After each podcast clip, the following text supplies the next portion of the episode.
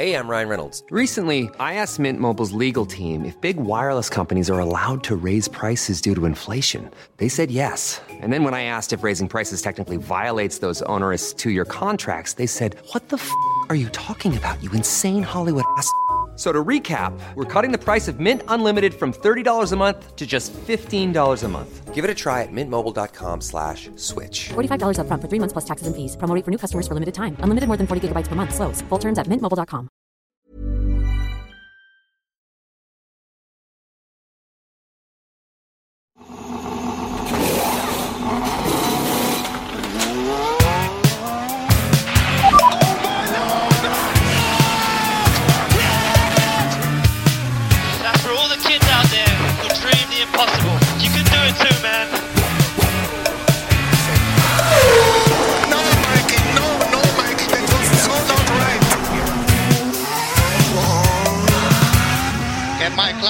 steering wheel.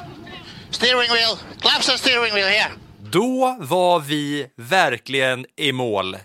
Den schackrutade flaggan har viftats för sista gången och nu är säsongen 2022 Formula One Championship F1 i mål.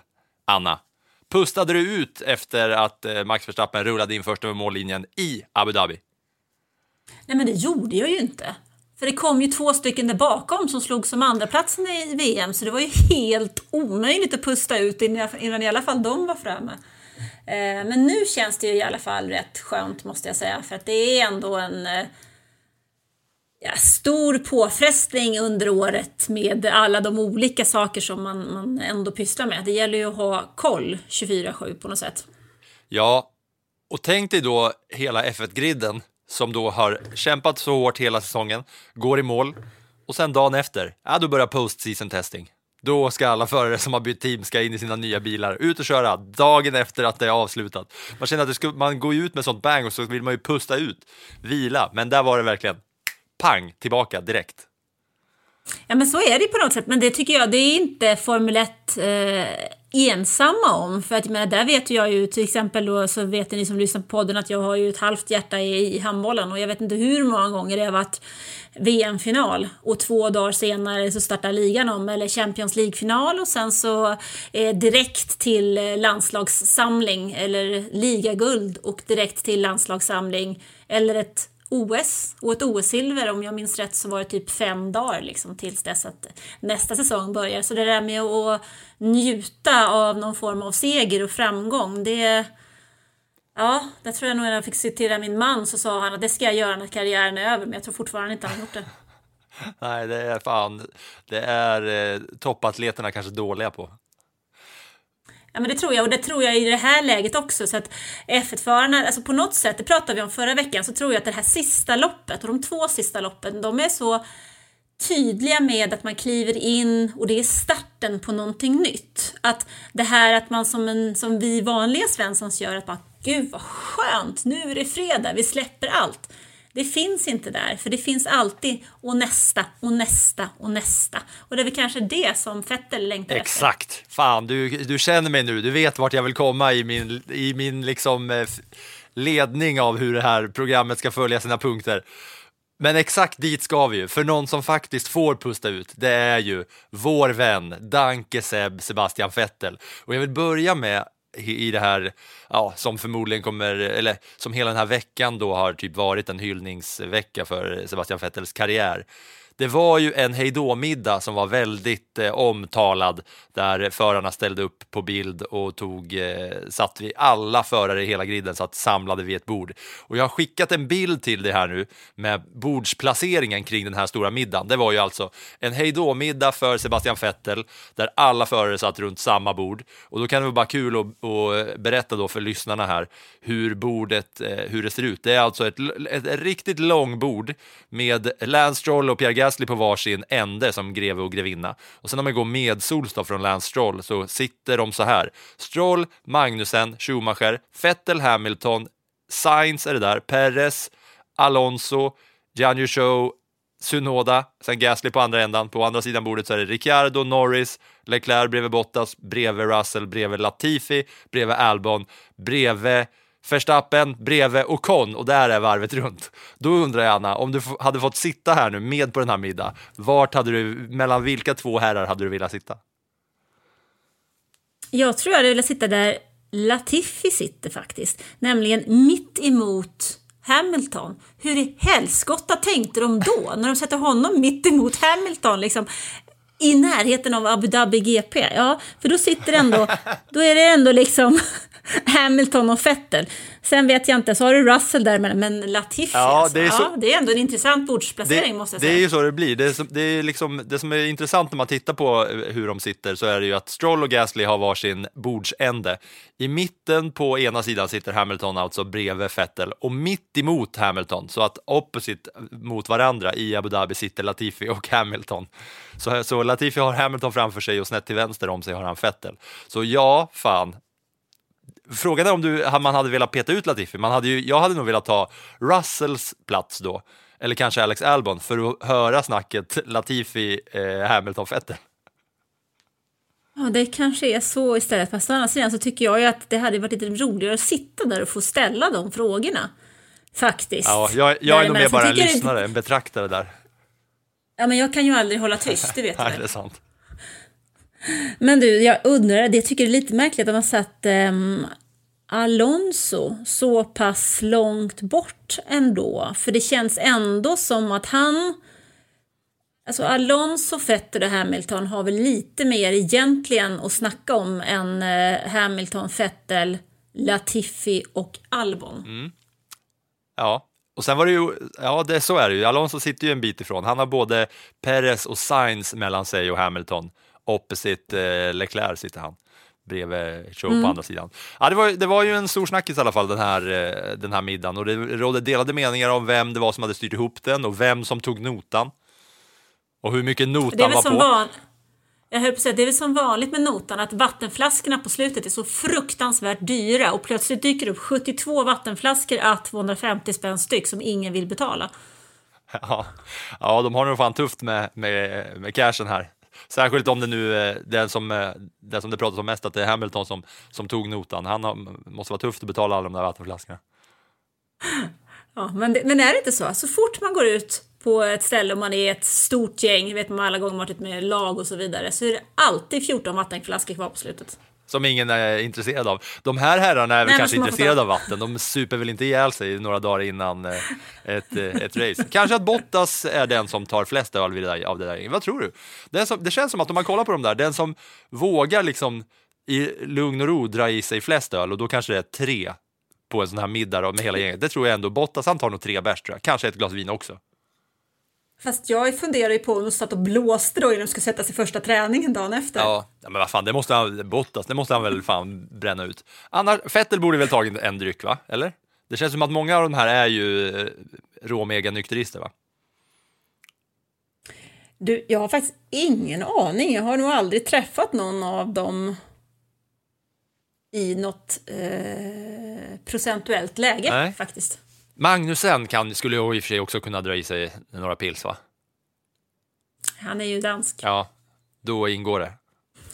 Ja, ja visst. Det finns men i andra modersmjölken. precis, men i Tyskland å andra sidan dricker man ju gärna champagne till frukost eller sekt. Så att, eh, ja. Ja, det var roligt den här eh, lilla middagssamlingen. En annan liten kul grej vid den här eh, middagen var ju att eh, istället för att be någon ta en bild, den här, det är ju en bild när de sitter samlade allihopa och vinkar till kameran. Det verkar som att den bilden är tagen med en självutlösare från någons mobil. Att eh, Norris har varit uppe där och fixat den där och satt på självutlösaren, ni vet, så blinkar kameran tre gånger och sen så tas bilden.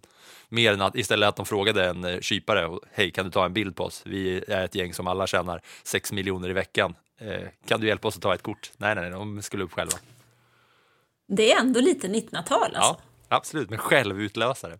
Du, eh, eh, det här var ju en, eh, det var ju en racinghelg på temat tack och hej då. Där eh, Där. Verstappen gick in först i mål och det är ju vad det är för att eh, han hade ju redan vunnit hela skiten. Själva kampen i Abu Dhabi stod ju mellan Leclerc och Perez som var den mest intressanta. Men med tanke på hur, hur, eh, hur många som ändå skulle lämna sporten så vill jag ändå börja det här avsnittet typ 10 minuter in med att vi lyssnar på lite hejdå ljudfiler. Framförallt då det som hände med Sebastian Vettel när han hade gått i mål och meddelandet från hans team. Jag har skickat en länk till dig nu här Anna så att du kan, eh, så att du kan gå in och titta på det här så, så lägger jag in ljudet här i avsnittet. Can go to yellow 10 dash position 2, yellow 10 dash position Thank you. Thank you. Well, it wasn't the best race we've done, but um, thank you for a great two years. You're a great bunch of people. You're a great bunch of people. And uh, I wish you a much better car than what we were able to uh, enjoy the last two years. All the best and thank you. Two special people I want to thank is Auntie. Thank you for all these years. I think I've been in the best shape possible thanks to you. And Britta, thanks for being by my side all these years. Danke dir.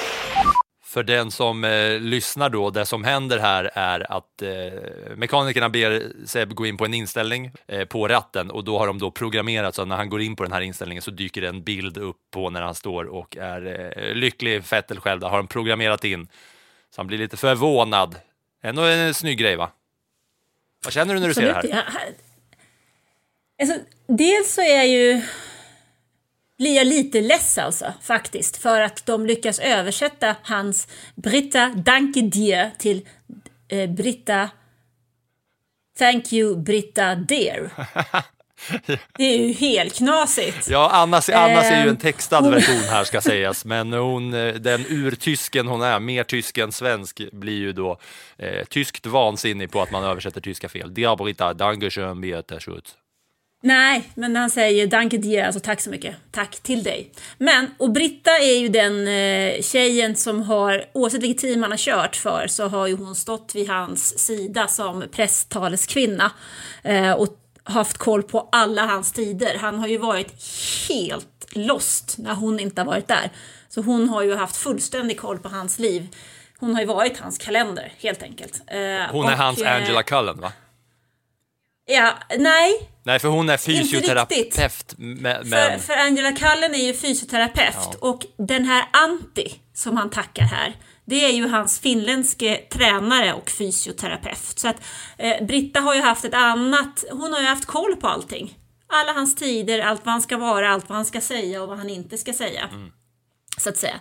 Eh, så de har ju hängt ihop i, i eh, väldigt, väldigt många år och eh, jag blir, samtidigt så blir jag ju lite rörd för att jag hör hur rörd han är över att det verkligen är sista och, och det är så lätt att säga så här, ja men herregud, fy, fyra VM-titlar och han har tappat. Men grejen är att han har faktiskt stått på pallen för varje team som han har kört för.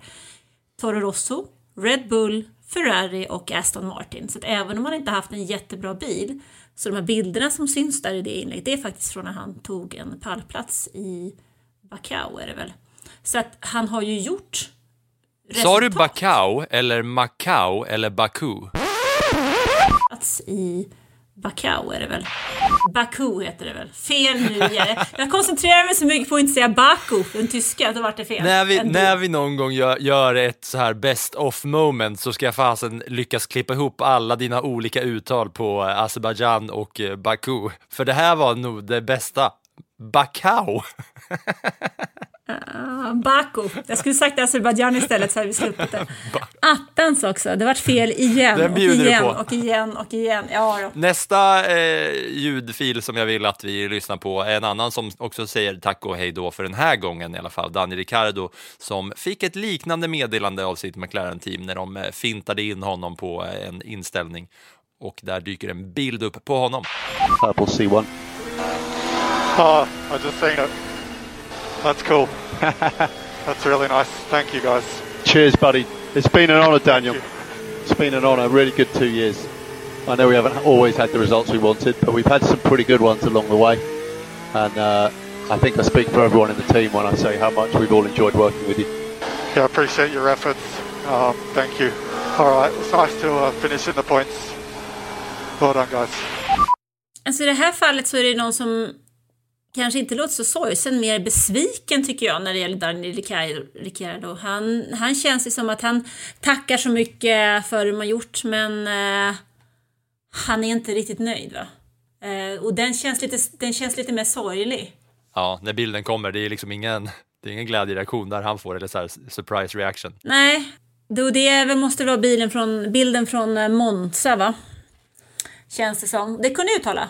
Ja, det gör utan problem, det stämmer. Nästa vi ska lyssna på, det är apropå uttal, den i hela F1-cirkusen som är, har bäst uttal rent allmänt och det är Günther Steiner som tackar av Mick Schumacher på sitt alldeles egna sätt. I think I can say that for everybody. We wish you well. You know, we, you always will be remembered to be have been part here. You know, uh, obviously we go apart, but I always say you always meet twice in life, at least, if not three times. You know, so uh, Mick, thank you very much. I mean, uh, what you did for us, uh, you kept us going. You kept these guys going last year when it was difficult. You know, I couldn't do it on my own that one last year. You know, this year we had difficult times. We had very good times. A roller coaster. You know, as we always do here. You know, so you were part of it, and I hope you keep it in your memory. You know that uh, in the end we are good people and we fight hard. We, you know, you you were one of us, or you're still one of us forever. Thank you, Mick. Thanks, Mick. I could do, I could have do it on my own, Mick. Äh, Den killen skulle ju behöva en Britta kan jag ju säga. Ehm, jag kan ju bara se och känna hur Mick står där och säger, tänker håll foderluckan stängd mannen. Va? Håll foderluckan stängd? Det betyder att man ska hålla, hålla flabben alltså? Håll Yes. foderluckan stängd. Det har jag aldrig hört. Nej, det var min eh, son faktiskt som sa till eh, min dotter här när, hon, eh, när han fick en arg blick från mig och jag sa att du behöver inte tala om för henne att hålla käften. Hade jag sagt till honom tidigare på dagen och när vi satt och åt oss så sa han håll foderluckan stängd. På ren stockholmska. Ja, ja men han snackar stockholmska. Ja. Han har inte bott där en dag i hela sitt liv.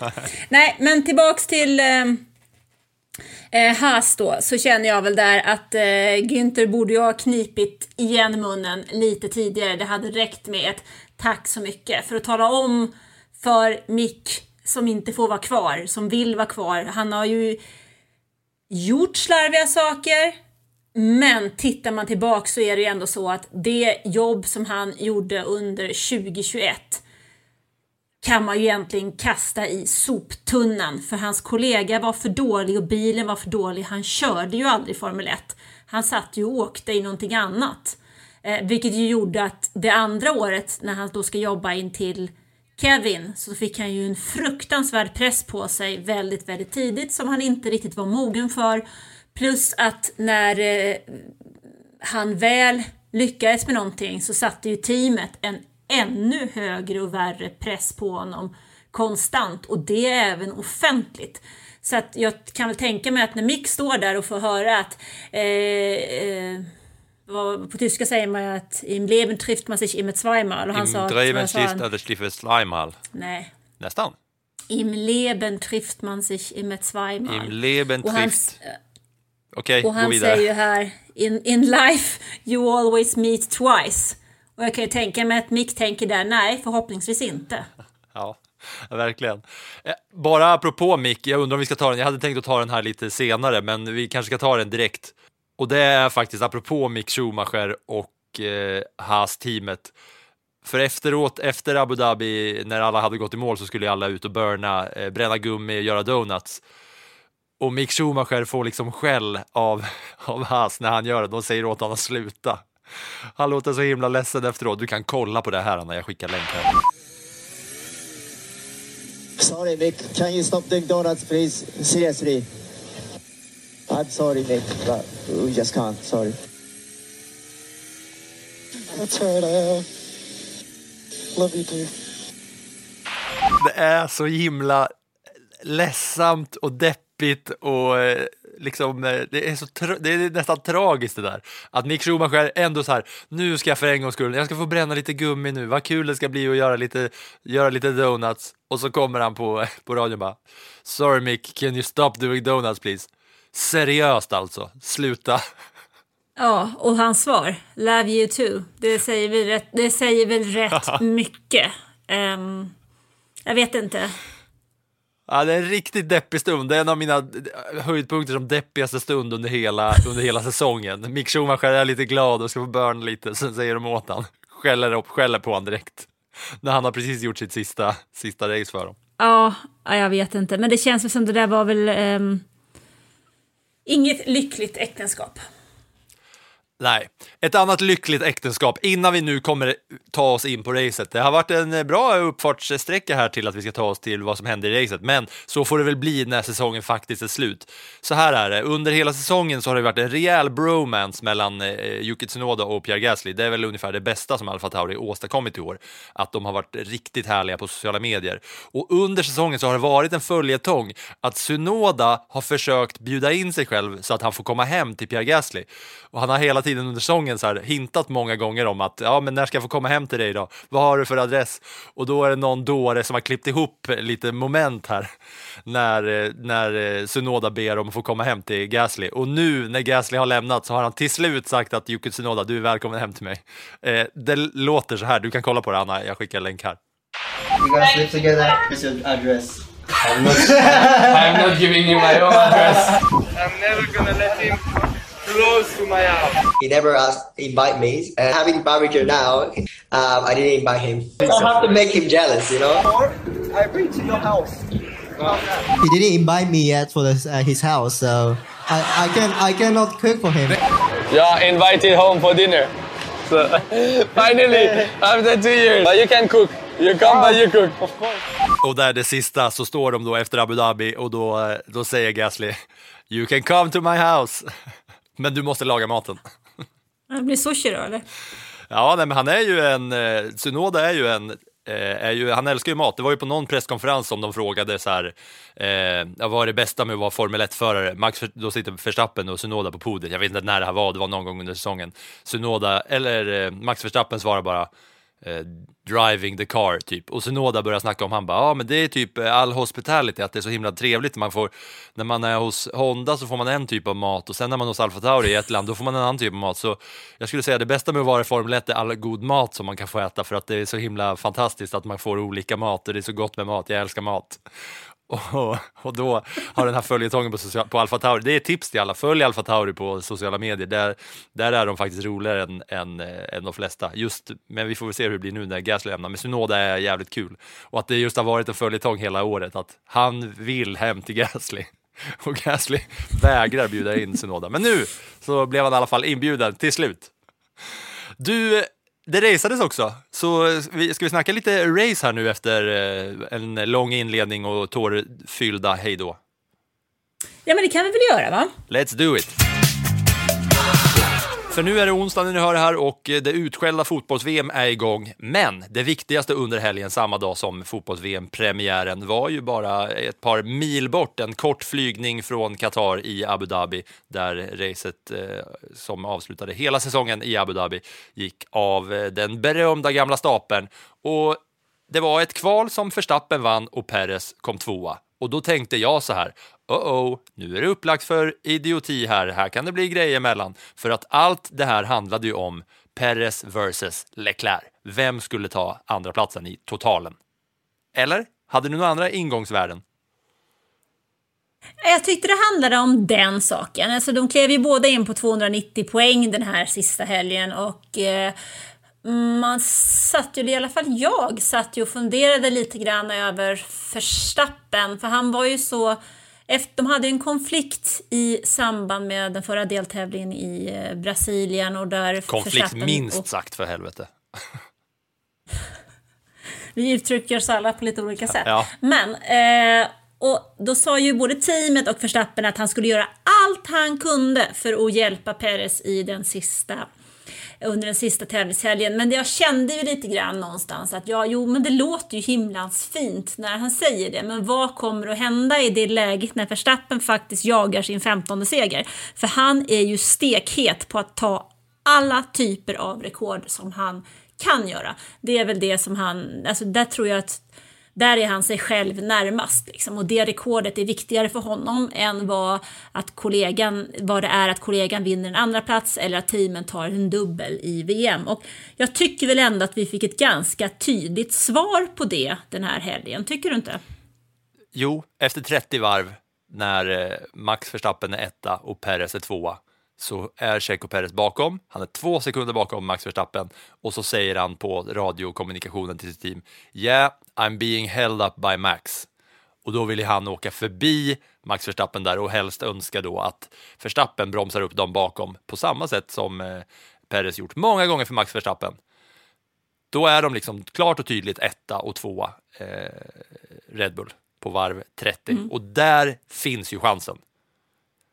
Där finns ju Hade, chansen. hade bara blir- Verstappen släppt Perez då och låtit Perez leda loppet och medan Max skulle kunna köra som tvåa, då hade det varit klart, tycker jag. Men det skedde inte.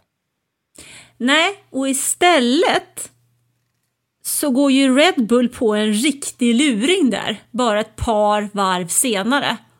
För då har ju både Perez och Leclerc gjort sina första depåstopp.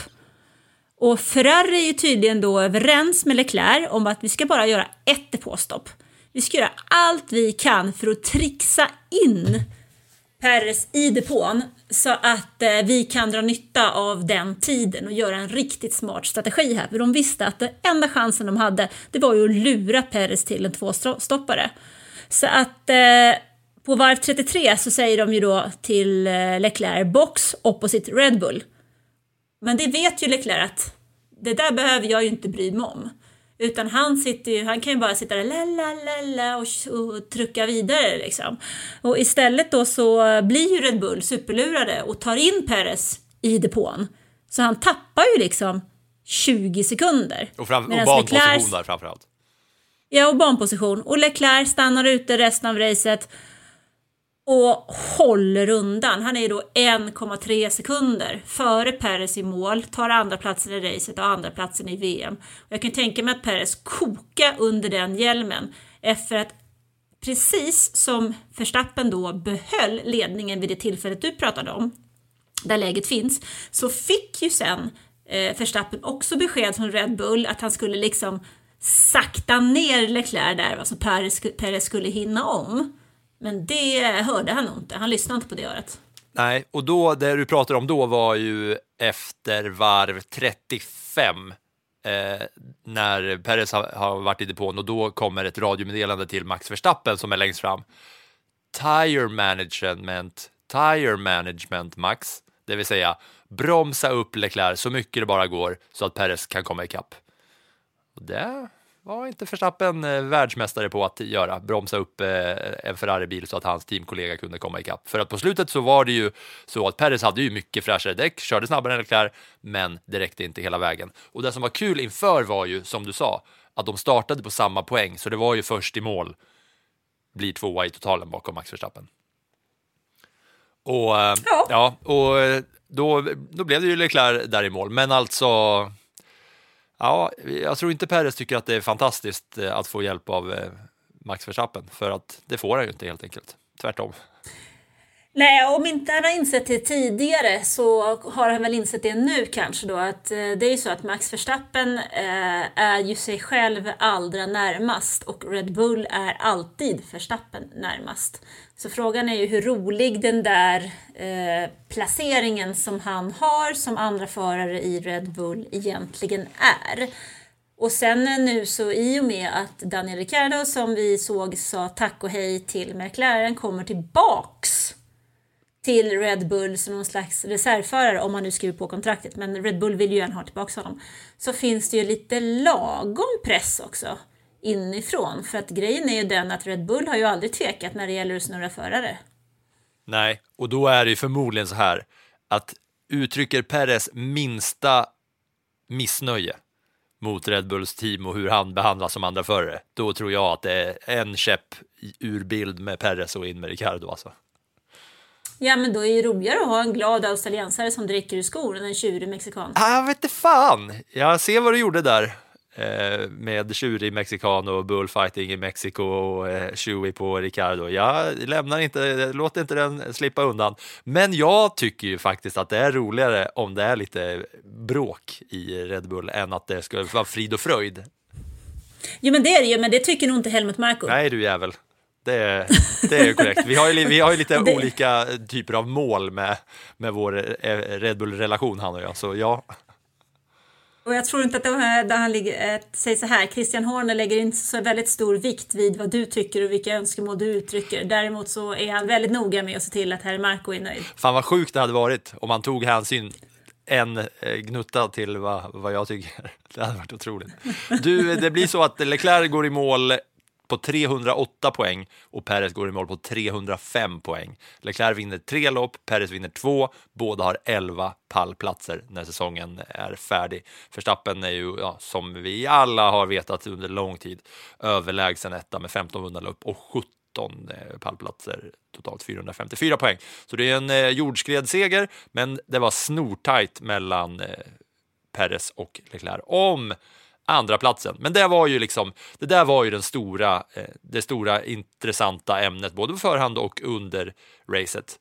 Eh, några andra som är sådana här tydliga, eh, talande bilder är ju när Alonso får eh, avbryta sitt sista lopp för alpin. Han både började och avslutade sin alpinkarriär med en did not finish. Och Ocon spöar Alonso i eh, totalen mellan de två. Mm. Det var faktiskt en liten rolig eh, grej som jag hörde nu efter dagens, det är tisdag idag när vi spelar in det här och de har ju haft, på, haft sina däcktester i eh, Abu Dhabi och eh, Fernando Alonso har ju faktiskt kört sina första metrar i en Aston Martin. Mm, jag vill bara säga att vi ska komma dit sen. Jag har en punkt där vi ska komma till det. Du får absolut ta den nu.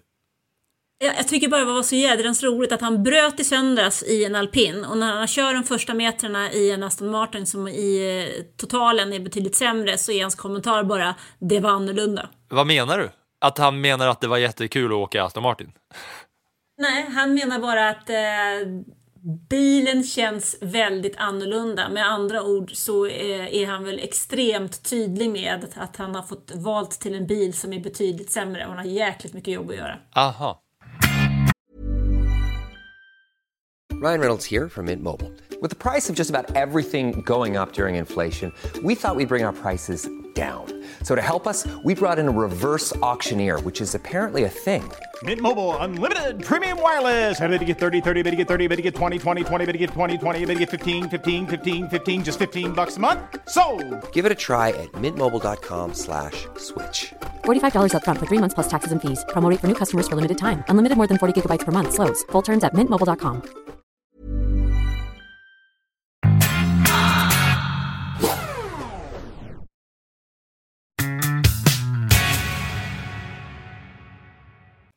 Vad är det mer man behöver eh, kika på då här? Vill du säga något om Mercedes? Hamilton får bryta. Han har inga superminnen i eh, närtid från Abu Dhabis GP. Ja men verkligen inte alltså. Sen kan man väl säga att den där bilen, ehm, det som jag tyckte var lite roligt, det var ju när han fick en fråga på presskonferensen innan om, om eh, den här V13 som den heter. Och han talade om att det han längtar efter allra mest, det är att det ska bli tisdag kväll så han slipper köra den där flera gånger. Det är väl ganska talande för hur den här säsongen har varit. Jag menar, killen har inte vunnit ett lopp. Han har inte tagit en pole position och det har väl liksom inte hänt under hela hans karriär. Det som är lite roligt i det hela är ju att han, han var ju på väg att slå Michael Schumachers rekord. Eh, Schumacher vann ju ett lopp varje år från 96. Nej, från 1992 till 2006 vann Schumacher ett lopp varje år. Hamilton vann då mellan 2007 och 2021 ett lopp varje år. Så gick den eh, streaken då eh, åt fanders. Och det som är lite kul är att nästa förare som kan ha chansen att ta det där rekordet måste det vara Verstappen va? För han har vunnit race sju år i rad nu. Men för att komma upp till Schumachers rekord så måste han vinna ett race varje år till och med 2030. Ja. Och eh, vi vet ju alla vad Anna Andersson tycker om att spekulera när man inte vet hur reglementen kommer se ut och hur, eh, eh, hur bokföringsböckerna ser ut fram och tillbaka. Så vi får väl lämna det därhän då. Det är väl ingen idé att spekulera om eh, han kommer vinna ett race varje år fram till 2030. Vi bara konstaterar att så är, så är faktan. Ja, men du kan ju få, du kan ju få svara, vad tror du? Ja, lätt. Absolut. Jag tror, jag tror att det, så, så kommer det bli. Och jag ser fram emot att få eh, hänga med och uppleva det.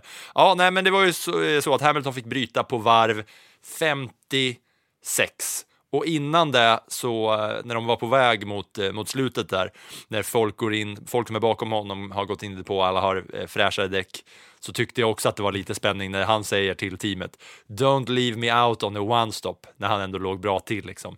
Att det är såna jävla flashbacks till förra året när han är långt fram, har många bilar som jagar och han vet att alla bakom har fräschare däck. Men det behövde vi inte bry oss om eftersom att han fick eh, bryta loppet och det blir så att eh, inom kampen i Mercedes i förra så får Hamilton stryk av Russell.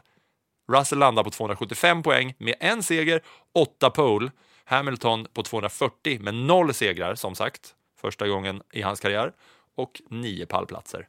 Russell kliver in med en dålig bil, spöar eh, enligt många då the GOAT.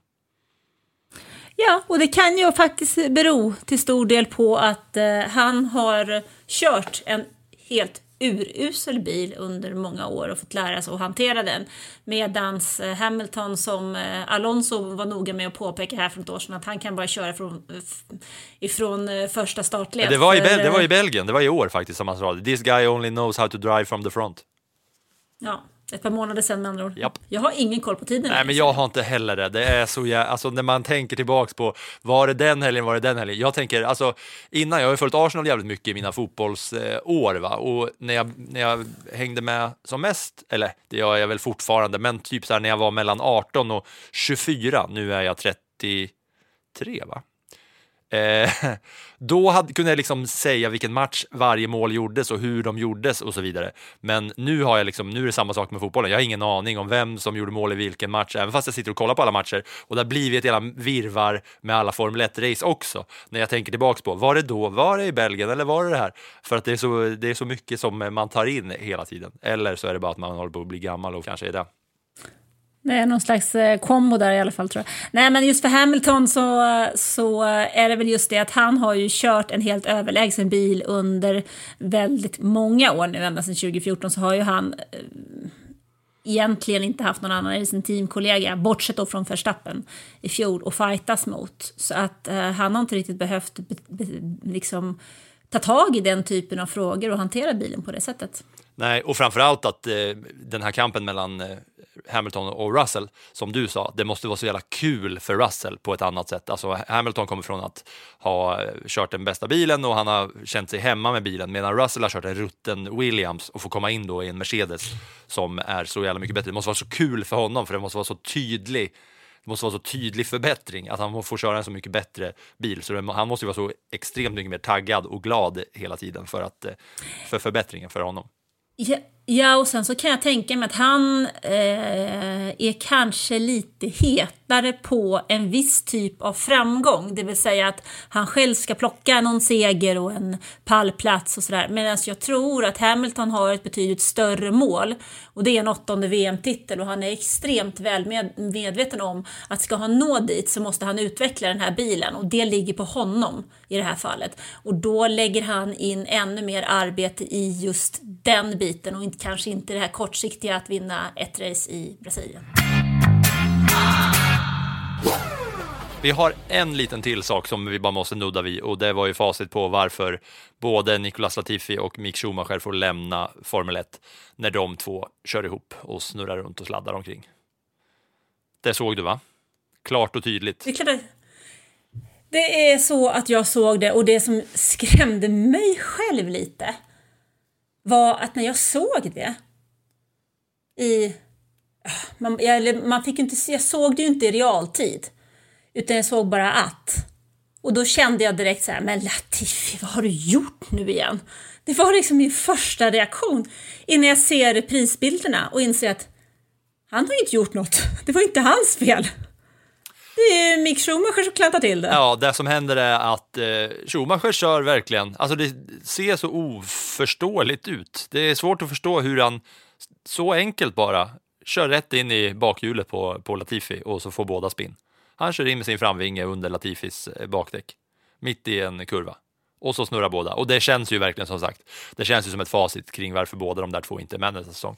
Jag vill bara säga, alltså, för det var ju klart och tydligt eh, så att det var Mick Schumachers, Mick Schumachers fel kände man. Men jag såg eh, på ehm, en tysk tidning där eh, Nico Hulkenberg hade uttalat sig om det, där han hade sagt då ordagrant Go Tifi tog en eh, lite oförståelig line där med det lilla, lilla, lilla hånet om go till Gotifi där. Det vill säga uh, det som har blivit så jävla gott inflation i uttrycket the GOAT, greatest of all time.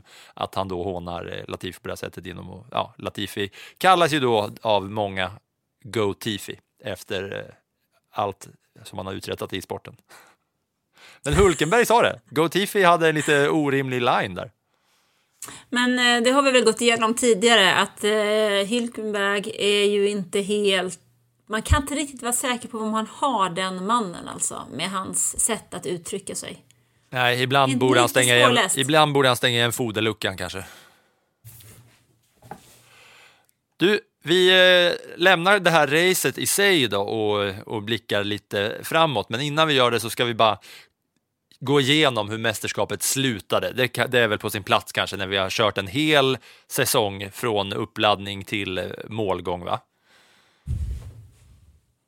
Ja, så tycker jag att vi går igenom det ännu lite mer hela säsongen nästa vecka då vi verkligen eh, mm. borrar ner oss i detaljer. Ja, absolut. Nästa, eh, den här veckan blir ju då eh, ja, ganska rimligt en eh, genomgång av racet och bara en snabb eh, summering av hur, hur allt blev. Men nästa veckas avsnitt, då, ska vi ha, då har vi en lite större säsongssummering där vi blickar tillbaks lite grann och så vidare. Men det som i alla fall händer är ju att eh, ja, som vi redan var inne på, Leclerc vinner mot eh, Perez, det var ju den stora snackisen. Russell spöar Hamilton i totalen, Ocon spöar Alonso. Eh, och i botten så, ja, det kan vi släppa, men konstruktörsmästerskapet, där fanns det i alla fall lite fighter. Vi har snackat om alpin versus McLaren. Det slutar med att alpin landar på 173 poäng och McLaren på 159, så alpin blir best of the rest. Eh, Red Bull 1, Ferrari 2, Mercedes 3, alpin 4, McLaren 5. Sen delad sjätte, sjunde plats, Alfa Romeo och Aston Martin. Och de landar ju alltså då som sagt på samma poäng. Och då har jag lagt in en liten bild där som du kan kolla på Anna som är en jämförelse med hur deras säsonger har varit och hur de har hamnat på de här 55 eh, poängen. Och det är ju en graf som man ser då klart och tydligt hur Alfa Romeo stack ifrån, tog en sån jävla ledning i början. Men sen eh, strax därefter Monza Azerbaijan, där då låg de, de tog sig upp till 50 poäng på, vad blir det nu, 1, 2, 3, 4, 5, 6, 7, 8, 9 race sådär. Och sen låg de bara helt platt på 50 poäng, tog inga mer poäng. Samtidigt då så har Aston Martin kommit ikapp och till slut då käkat upp det hela det här stora försprånget eh, som var som störst i, runt eh, Azerbajdzjans GP när det skilde typ 30 poäng mellan dem. Ja, alltså jag tror väl att, är det inte så att det är en femteplats va, för Valtteri Bottas från Imola som gör att eh, Alfa Romeo tar den här viktiga sjätteplatsen som ger en himla massa nollor i plånboken ja. i slutändan. Ja. Före Aston Martin. Men det man, det är man det som händer. Det... Förklara det bara, så man förstår varför eh, Alfa Romeo blir sexa och Aston Martin sjua även fast de har samma poäng. Ja, men det är för att eh, Bottas var väl femma på Imola och det är det bästa resultatet från något av de här teamen. Så att man räknar alltså det bästa resultatet. Eh, och det ger då en placering före och i slutändan då väldigt, väldigt mycket pengar. Vi pratar 100 miljoner i eh, konstruktörsmästerskapet. Ja, då är de eh, glada för att finnen eh, levererade den här femteplatsen som, som blev 100 mille. Men det jag tänker med just med Aston Martin, alltså eh, Micke Krack, din härliga... Eh, Micke Krack! Din jag älskar alltid att säga favorit. namnet Micke Krack. Varje gång jag ser honom på tv, så här, när det är gridwalk eller om det är någon intervju, då utbrister jag för mig själv. Micke Krack! Varje gång. Han, han sa det nu efteråt, att i Australien, hade någon sagt till honom i Australien att de skulle slåss om sjätteplatsen i konstruktörsmästerskapet, för då hade teamen inte tagit en enda poäng. Då hade han ju tagit det varje dag i veckan, för så långt efter var de. Och den upphämtningen som Aston Martin har gjort, och utan att veta, så säger jag nog att den har de verkligen Sebastian Vettel att tacka för. För är det någonting som han är duktig på så är det ju att jobba för teamet och utveckla bilen. Så att eh, han lämnar ju över till Alonso som förhoppningsvis kan ta den resan vidare. Ja, det är så det blir mellan de två. Sen är det kampen som eh, är om åttondeplatsen mellan Alfa Tauri och Haas och den går till Haas som vinner med 37 poäng mot 35. Alfa Tauri alltså näst sämst av alla och absolut sist med bara åtta inkörda poäng. Williams. Inte så mycket mer att säga om eh, den bottenstriden. Va? Det är kul för Haas ändå att spöa två team. Ja, Günther Steiner är väl nöjd med någonting i år i alla fall. Mm. Nu ska du bara få plussa Abu Dhabis GP och nästa vecka så kommer jag vilja att du ska plussa hela säsongen. Men nu så eh, kör vi det från Abu Dhabis GP. Annas plus everybody.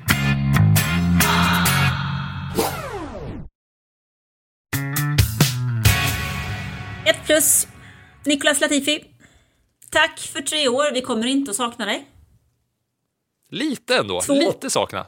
Lite sakna och håna. Och, eh, eller? Det känns som att det, det kommer bli lite tuffare att hitta en scapegoat nästa år.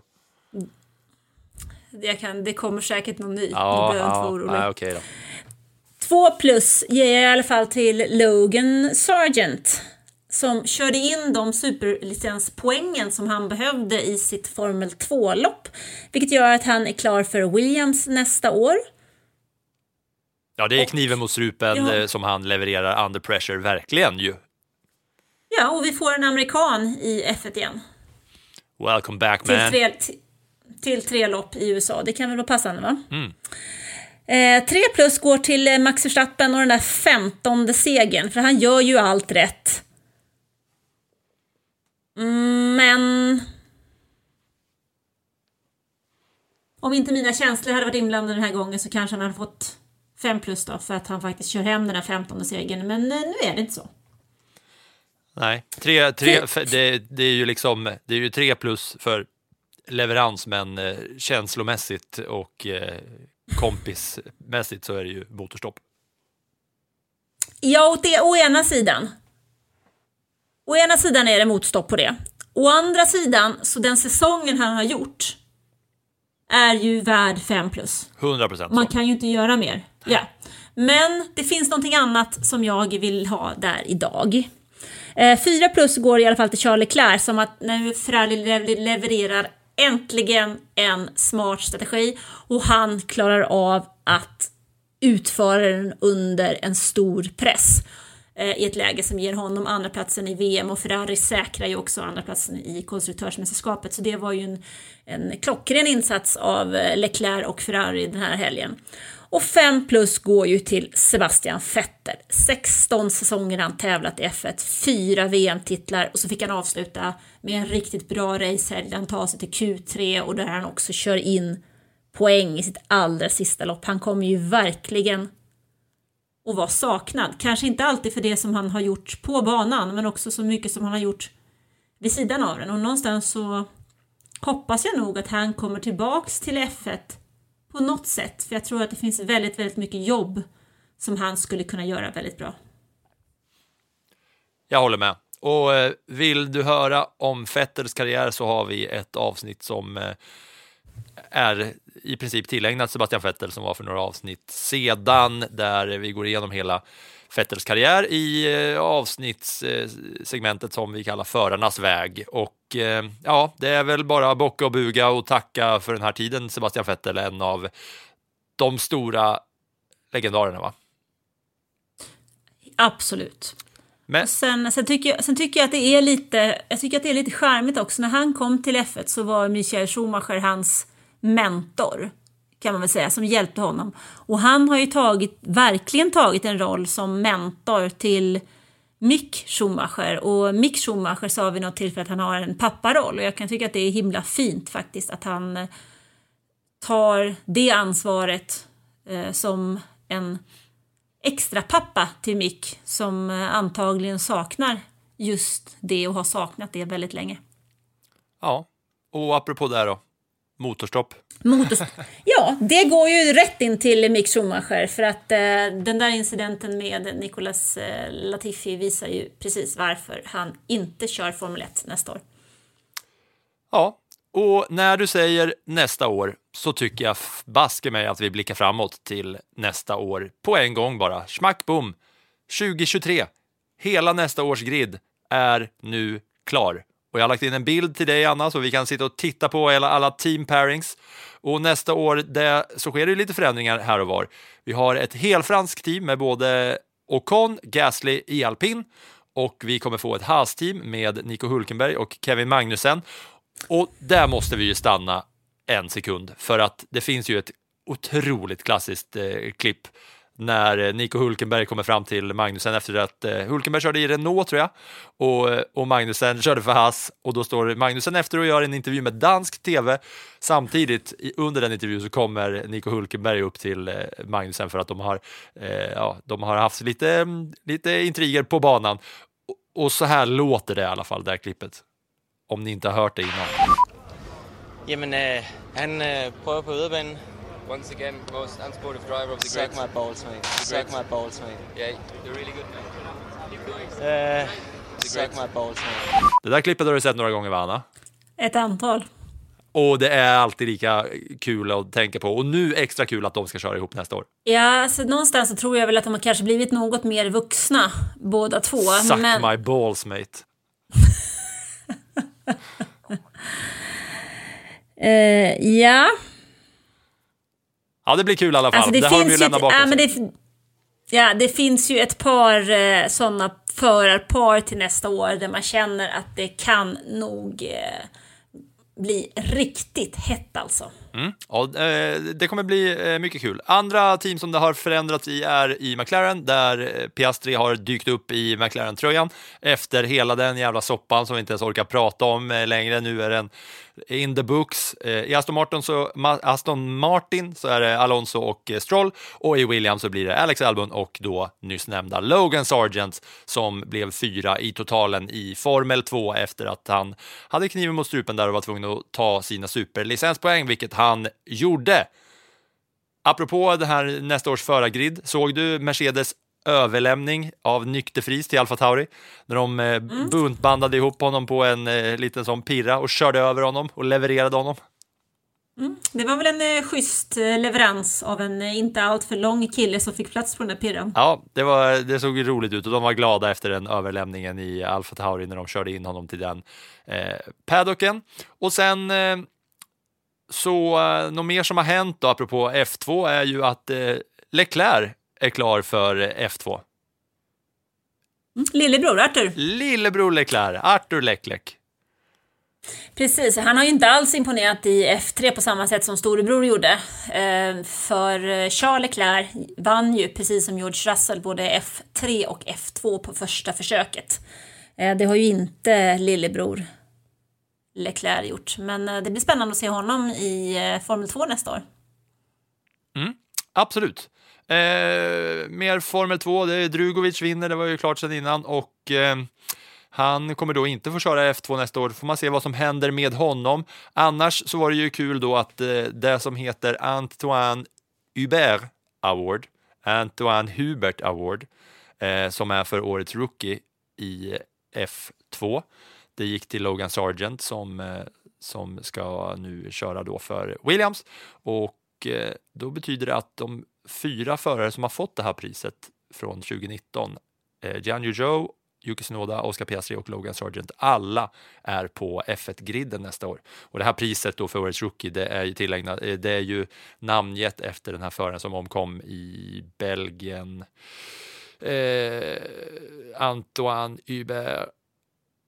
Men lite 2019. kul ändå är, mm, lite kul är det ju ändå att den, eh, eller kul och kul, men den person som Antoine Hubert kolliderade med, José Manuel Correa, han gjorde faktiskt comeback i Formel 2 den gångna helgen. Eh, oavsett resultat och sådana saker måste jag säga att det kändes ändå lite bra i själen att se honom på F2-griden igen. Mm. Eh, ja, nej, men så nästa år så kommer vi ha då de fyra förarna som har eh, fått det här priset som är uppkallat efter Antoine Hubert som omkom då på Spa 2019 i Formel 2. Eh, det får man se i Drive to Survive, va? alltså re- för- förares reaktioner och sådär. En säsong när det, när det händer. Eh, ja, herregud, jag jobbade då, så det, jag kommer ihåg det från arbetsmässigt. Det var fruktansvärt. Ja, eh, vi ska inte sluta på eh, ledsna miner. Eh, är det något mer du tänker på till nästa års grid då? Det är Ricardo till Red Bull som kanske är lite så här småintressant eh, och se hur det blir där. Han har ju inte sagt att något är klart än, men troligtvis så kommer det bli så att eh, han kommer köra för dem på något vänster. Men det snackas också om att han ska vara liksom som någon slags PR-person för att de har så mycket olika PR-event och då är ju han ett sånt himla fint ansikte utåt för vilket team som helst. Mm. Det, blir, eh, det som är lite intressant att se det är vad som händer med Mick Schumacher. Det är ju inte helt omöjligt eh, att han hamnar någonstans hos Mercedes för att de har ju en väldigt tajt relation. Mercedes var med och betalade för hans pappa Michael Schumacher innan han debuterade i början av 90-talet. Hans farbror Ralf Schumacher har också kört Mercedes. Hans kusin David kör Mercedes i DTM. Det är alltså Ralfs son. Eh, så att det, och sen vid sidan då naturligtvis av att Michael Schumacher var med när eh, Mercedes kom tillbaks till F1. Så där finns en väldigt, väldigt nära relation och jag tror att för tysk del, alltså de har inte så mycket som kommer underifrån, så är det nog väldigt viktigt att behålla namnet Schumacher. Jag tror ju, kan jag tänka mig att Audi har siktet inställt på honom så småningom. Och det finns nog ett visst intresse som tysk biltillverkare att se till att det finns en Schumacher kvar i närheten av Formel 1. Mm. Ja, rent framtidsmässigt så eh, sa vi i början av avsnittet att eh, direkt efter så var det post season testing och där fick man ju se, vi var inne på det, Alonso satte sig i en Aston Martin-bil för eh, första gången. En Aston Martin-bil helt utan reklam. Har du sett de bilderna, Anna? Att den är bara grön, inte en enda reklambit. Där satt Alonso och körde. Så jag har bara några lineups på hur det såg ut där på post-season testing som kanske kan vara eh, ja, någon slags eh, fingervisning om vad som skulle kunna ske. I McLaren så var det då de som deltog, Norris och Piastri. Piastri fick köra första gången i McLaren-bilen på riktigt. Då. I alpin så var det Jack Doohan och Gasly och i Mercedes så var det Eh, Russell Hamilton och eh, dansken Fredrik Westi som eh, fick rulla omkring och Ferrari så var det Leclerc, Sainz, Schwarzman, Red Bull så var det Perez, Verstappen och Lawson. Så eh, lite sånt eh, som man har att se fram emot. Men eh, nu ska vi väl ändå stänga den här säsongen eh, Anna. Slå ihop eh, 2022 böckerna, blicka framåt mot en rejäl säsongssummering nästa vecka. Men eh, det är faktiskt nu om du lyssnar på det här avsnittet när det kommer ut onsdag 102 dagar kvar till Bahrains GP, första racet säsongen 2023. Det känns ju som att det är så länge, men jag vet ju att det kommer säga swoops, så är vi där. Klassiska ljudet swoops. Mm. Så här låter swoops och med swoops-ljudet så eh, ber vi er alla att eh, hänga med oss och eh, lyssna på säsongssummeringen nästa vecka och även under vintern när det kommer lite andra små, små godbitar för att eh, trots att racingen har uppehåll så kör plattan i mattan vidare med lite andra typer av avsnitt som vi hoppas att ni kommer kunna njuta av. Men 102 dagar kvar till Bahrains GP när ni hör det här om ni lyssnar på onsdagen. Tack för den här säsongen, Anna. Vi har ju fan suttit här varje vecka och kacklat. Ja, det är ju helt fantastiskt. Jag trodde ju när vi startade att det här aldrig skulle bli någon avslutning av detta, men det har ju gått eh, oerhört fort och jag är fortfarande lika förvånad över hur mycket det finns att prata om, typ varje gång. Ja, och vi är fortfarande oerhört tacksamma över att det finns så mycket folk som faktiskt vill lyssna på det här chitchattet och kacklet och eh, varje nedsnack av varje race och även när det inte raceas. Så återigen, tack för alla som har hängt med hela säsongen. Det är otroligt att eh, vi har folk som sitter och lyssnar på oss. Tack så jättemycket för, för det. Vi ser fram emot fortsättningen. Mm, jag stämmer in. Ett stort tack för 2022. Nu eh, trycker vi plattan i mattan för 2023. Let's go! Hörs nästa vecka. Hej då! Música